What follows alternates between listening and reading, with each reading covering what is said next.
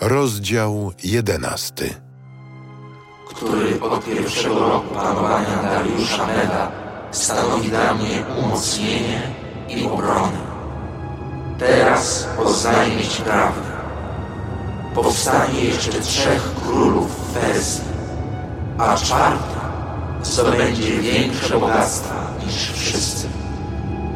A gdy stanie się potężny z powodu swego bogactwa, poderwie wszystkich przeciw królestwu Japanu. Wtedy wystąpi potężny król i będzie panował nad wielkim królestwem, postępując według swego upodobania. Gdy tylko on wystąpi, jego państwo upadnie i zostanie podzielone na cztery wiatry nieba, jednak nie między jego potomków. Nie będą nim rządzić tak jak on rządzi, ponieważ jego królestwo zostanie zniszczone i przypadnie w udziale nie im, lecz innym. A król południa się wzmocni, lecz jeden z jego książąt przewyższy go siłą i zapanuje nad państwem większym niż jego własne. Po kilku latach połączą się oni i córka króla południa przybędzie do króla północy, by dopełnić ugody. Lecz moc jego ramienia nie będzie trwała a jego potomstwo nie utrzyma się. Zostaną wydani.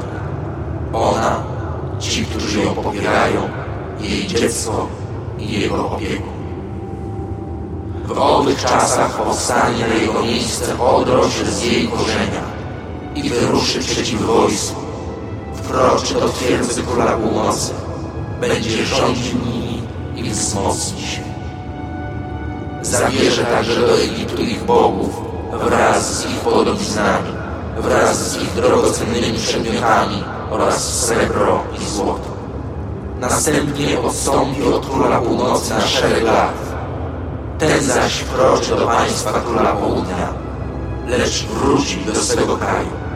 Jego synowie uzbroją się i zgromadzą wielkie mnóstwo wojska. On zaś nadejdzie z siłą, natrze i pójdzie naprzód. Powstanie i dotrze aż do jego twierdzy. Król zaś południa zapłoni gniewem i wyruszy, by walczyć z królem północy, który przeciwstawi mu wielkie mnóstwo. Jednak mnóstwo to wpadnie w jego ręce. Mnóstwo to zostanie zniszczone, a serce króla pychą się niesie. Powali dziesiątki tysięcy, lecz nie umocni się. I znów powstanie król północy, i wystawi większe mnóstwo niż poprzednie, a po pewnym czasie wyruszy z mocą i wielkim wojskiem oraz taborem. W owych czasach wielu wystąpi przeciw królowi południa. Synowie zaś gwałtowników spośród Twego ludu powstaną, by dopełnić widzenia, ale upadną. A król północy nadciągnie i usypie wał i zdobędzie warowne miasto. Siły zaś południa nie wytrzymają, a doborowe wojsko nie będzie miało sił, by stawić opór. Tego, który wyjdzie przeciw niemu, traktować będzie według swej woli i nikt nie zdoła mu się przeciwstawić. Utrzyma się we wspaniałym kraju, a ręka jego posieje spustoszenie i będzie się usilnie starał zdobyć całe jego królestwo. Potem zawrze z nim ugodę, dając mu jedną z kobiet, by królestwo zniszczyć. Ale nie dokona tego, nie uda mu się to. Zwróci więc swój wzrok ku wyspom i zdobędzie ich wiele. Ale pewien wódz położy kres wyrządzonej mu zniewadze. Tak, że tamten nie będzie mógł mu odpowiedzieć z niewagą. Potem zwróci wzrok utwierdząc swego kraju. Zachwieje się jednak, upadnie i zniknie bez śladu. Na jego miejsce wystąpi ten, który pośle poborcę daniny do pięknego królestwa. Ale po kilku dniach zostanie opalony, choć nie publicznie, ani w wyniku wojny. Po nich zaś Wystąpi ten, którym zgardzono i nie dano mu królewskiej godności. Nadejdzie potajemnie i przez intrygi opanuje królestwo. Wojsko poniesie porażkę, a także i wóz przymierza. Od chwili zawarcia przymierza z nim będzie postępował zdradliwie. Natrze i z garstką ludzi pokaże się mocny. Niespodzianie wkroczy do najbogatszych krajów i będzie czynił to, czego nie czynili ani jego ojciec, ani przodkowie. Łupy, zdobycze i mienie rozdzieli między nich. Będzie obmyślał plany przeciw warowniom, ale tylko do czasu. Będzie pobudzał swą siłę i serce przeciw królowi południa z wielką mocą. Król zaś południa będzie się zbroił na wojnę, zbierając wielkie i potężne wojsko, ale nie zazna powodzenia, ponieważ będą knuć złe zamysły przeciw niemu. Ci, którzy jedli z jego stołu, zmiażdżą go, a wojsko jego ulegnie rozproszeniu i wielu padnie zabitych. Obaj zaś królowie, mając serca skłonne do złego, przy jednym stole będą mówić kłamstwo, nie osiągną jednak nic, ponieważ nie nadszedł jeszcze kres ustalonego czasu. Powróci więc on do swego kraju z wielkim łupem, a jego serce będzie przeciwne świętemu przymierzu. Będzie działał i wróci do swego kraju.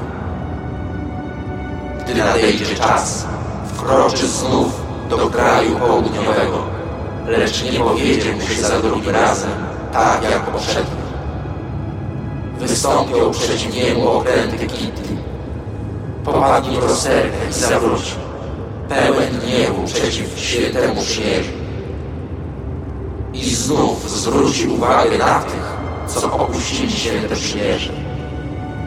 Wojsko jego wystąpi, by zbezcześcić świątynię twierdzy. Wstrzymają całą ofiarę i uczynią tam ohydę ziejącą pustką.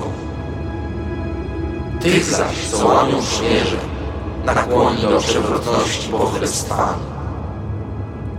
Jednak ludzie, którzy znają swego Boga, wytrwają i będą działali.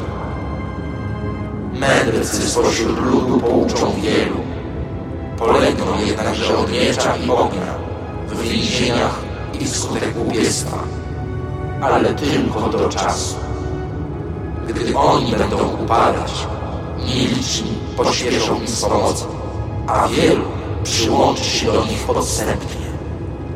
Spośród mędrców niektórzy upadną, by dokonało się wśród nich oczyszczenie, obmycie i wybielenie na czas ostateczny. Potrwa jeszcze do ustalonego czasu. Król będzie działał według swego upodobania. Będzie się wynosił i wywyższał ponad wszystkich bogów. Przeciw Bogu będzie mówił rzeczy dziwne i dozna powodzenia, aż się dopełni gniew. To bowiem, co zostało postanowione, dokona się. Nie będzie czcił bogów swoich przodków, ani ulubieńca kobiet, ani żadnego innego Boga nie będzie poważał. Ponad wszystkich będzie się wywyższał. Zamiast tego będzie czcił Boga twierdzy, Boga, którego nie znali jego przodkowie, będzie czcił złotem i srebrem, drogimi kamieniami i kosztownościami. Wystąpi przeciw warownym zamkom z cudzym Bogiem. Tych zaś, którzy go uznają, obdarzy zaszczytami, czyniąc ich władcami nad wieloma, a jako zapłatę będzie rozdzielał ziemię. A w czasie ostatnim zetrze się z nim król z południa. Król z północy uderzy na niego rydwanami, jazdą i licznymi okrętami. Wkroczy do krajów, zaleje je i przejdzie.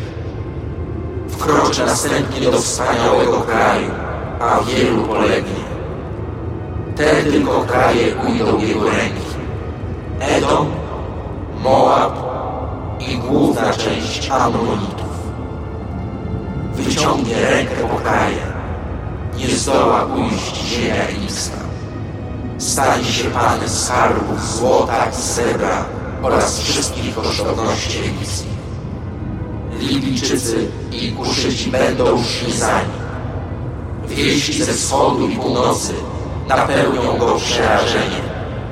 Wyprawi się więc z wielkim gniewem, by wielu zgładzić i zgubić. Rozbije namioty swojej kwatery między morzem i górą świętej wspaniałości. Dojdzie do swego końca, ale nikt mu nie przyjdzie z pomocą.